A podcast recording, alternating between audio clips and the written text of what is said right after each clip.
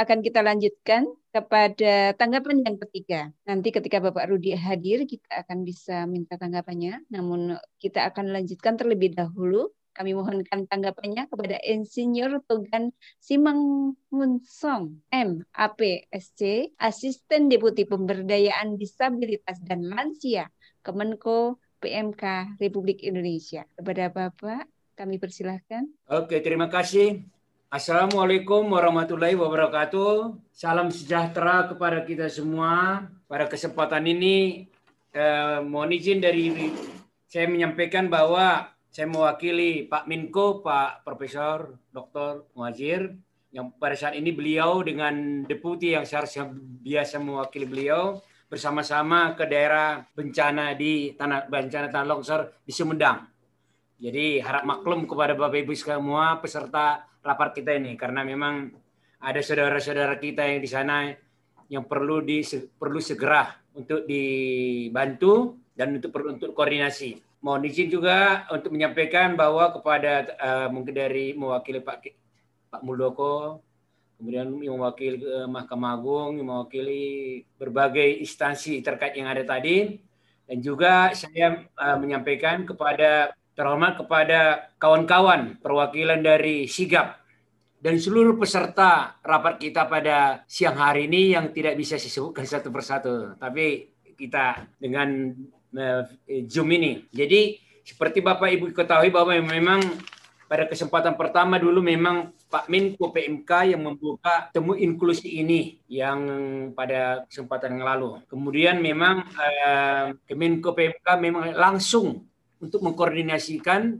pemberdayaan disabilitas. Kalau saya perhatikan tadi apa yang setelah disampaikan dan saya pahami yang disampaikan oleh pembaca uh, rekomendasi tadi, ada sembilan rekomendasi kalau nggak saya.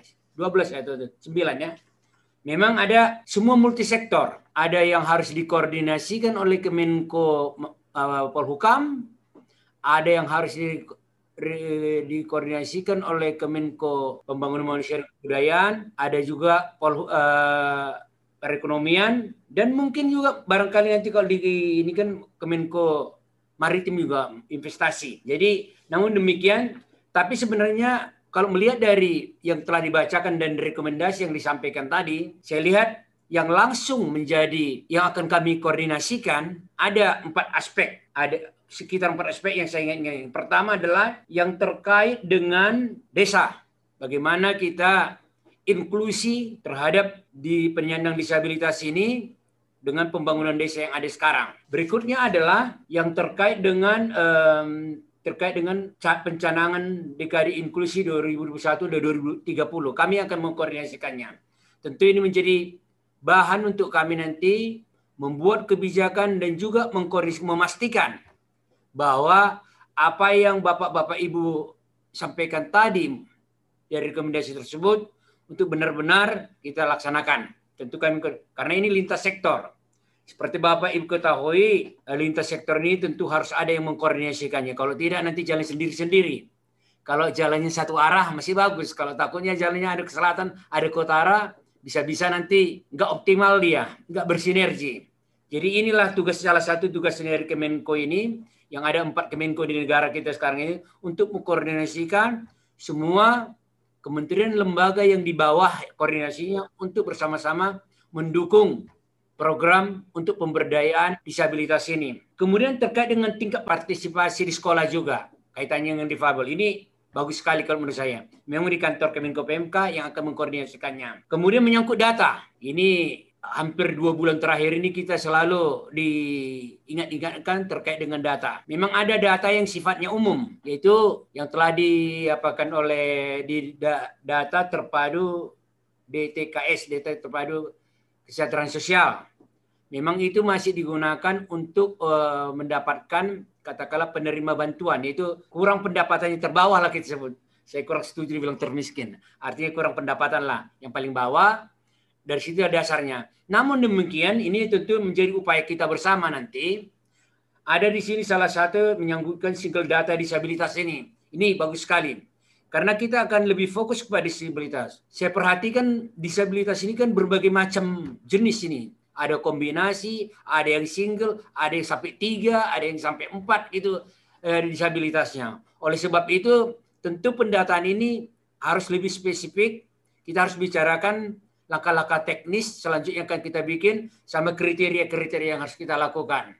Contohnya misalnya, tentu kan tidak semua orang yang disabilitas ini tidak mampu. Pasti ada juga yang mampu. Baik secara intelektual dan juga barangkali mungkin kemampuan secara ekonomi lebih. Jadi oleh sebab itu tentu kita harus fasilitasi. Kemudian terkait dengan partisipasi sekolah dan yang terakhir yang saya yang direkomendasikan adalah yang harus dikatakanlah dikawal oleh Kemenko PMK adalah terkait dengan akses kesehatan tadi yang terakhir yang dibicarakan oleh kawan-kawan tadi. Ini betul. Jadi pada saat ada salah satu saya lupa nama universitasnya Un, Unsiah kalau nggak salah di Yogyakarta itu terkait dengan kesehatan ini. Memang salah satu yang direkomendasikan adalah menyangkut PBI. PBI itu kan tentu ada syarat-syaratnya kan begitu. Nanti akan kita coba penyandang disabilitas yang seperti apa yang akan mendapatkan PBI. Tentu akan kita bicarakan secara lintas di kantor kita ini sehingga nanti dari sana bisa kita uh, rekomendasikan bahwa ini akan menerima uh, penerima bantuan iuran. Karena untuk saat ini yang menjadi syarat untuk menerima bantuan adalah iuran adalah ada beberapa syaratnya itu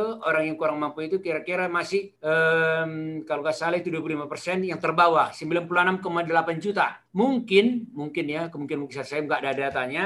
Barangkali ada di antara penerima 96,8 juta itu sudah penyandang disabilitas. Oleh sebab itu kita akan coba nanti coba untuk me meneliti data-data ini. Jadi uh, tentu dari yang saya sampaikan tadi dari lima enam tadi sorry enam enam rekomendasi ini dari sembilan rekomendasi enam harus dikoordinasikan oleh Kemenko PMK. Jadi oleh sebab itu terima terima kasih Bapak Ibu sekalian yang sudah berpikir membantu kita juga untuk membiar kawan-kawan ini menjadi subjek ini. Kita akan tindak lanjut ini Pak. Pak Jona Damaria kita akan tindak lanjuti nanti. Kita akan bikin pertemuan teknis, rapat koordinasi. Kita akan uraikan. Kalau misalnya ini kan sifatnya masih umum. Karena ini masih umum, coba akan kita bikin semacam peta jalan nanti untuk ini. Apa yang harus kita lakukan untuk ini, kita uraikan semua apa langkah-langkah yang harus kita lakukan seperti lima tahun ke depan ini untuk pemberdayaan disabilitas ini.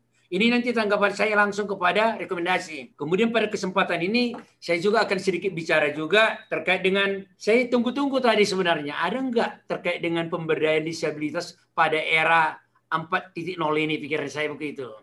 Tadi saya sudah singgung bahwa penyandang disabilitas ini dia hanya kurang mobile saja.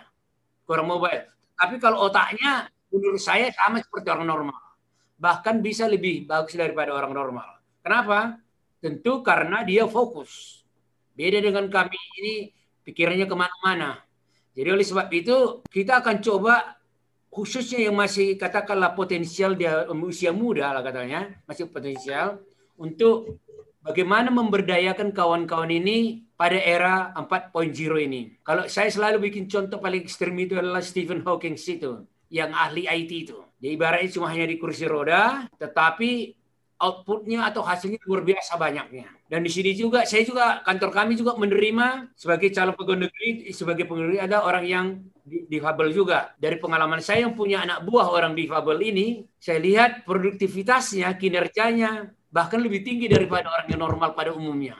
Jadi oleh sebab itu tentu kita coba nanti uh, bagaimana nanti dari kawan-kawan ini kita sama-sama membuat semacam peta jalannya atau langkah-langkahnya nanti ke depan untuk supaya kita bisa nanti yang difabel tapi intelek uh, uh, otaknya masih bagus itu akan kita dioptimalisasikan. Mungkin yang lain-lain akan kita kelompok-kelompok lah supaya nanti kita treatmentnya pas gitu fokus. Saya kira ini yang bisa kami lakukan. Kami akan terus memonitor. Nanti mungkin kawan-kawan kita juga sering rapat dengan kami. Pak Jona dan kawan-kawan ini sudah sering rapat dengan kami. Akan kami undang nanti rapat. Paling cepat lah mungkin paling lambat lah akhir-akhir bulan ini kita akan tidak lanjuti apa rekomendasi yang sudah Bapak Ibu sampaikan ini. Begitulah konkretnya. Nanti kami dengan Ibu Erlia coba mengundang Bapak Ibu sekalian, kok apa vaksin ini cepat dilakukan sehingga nanti kita bisa kebal terhadap COVID. Kalau COVID-nya kayaknya nggak bisa hilang itu, cuma kita perlu kebal kan begitu kira-kira ya. Kalau kita sudah kebal, ah no, no, flu lah itu COVID itu kira-kira seperti itu. Jadi untuk itu uh, mohon uh, kerjasama dari Bapak Ibu sekalian sama-sama kita nanti menguraikan rekomendasi yang sudah Bapak sampaikan ini. Sekian dan terima kasih.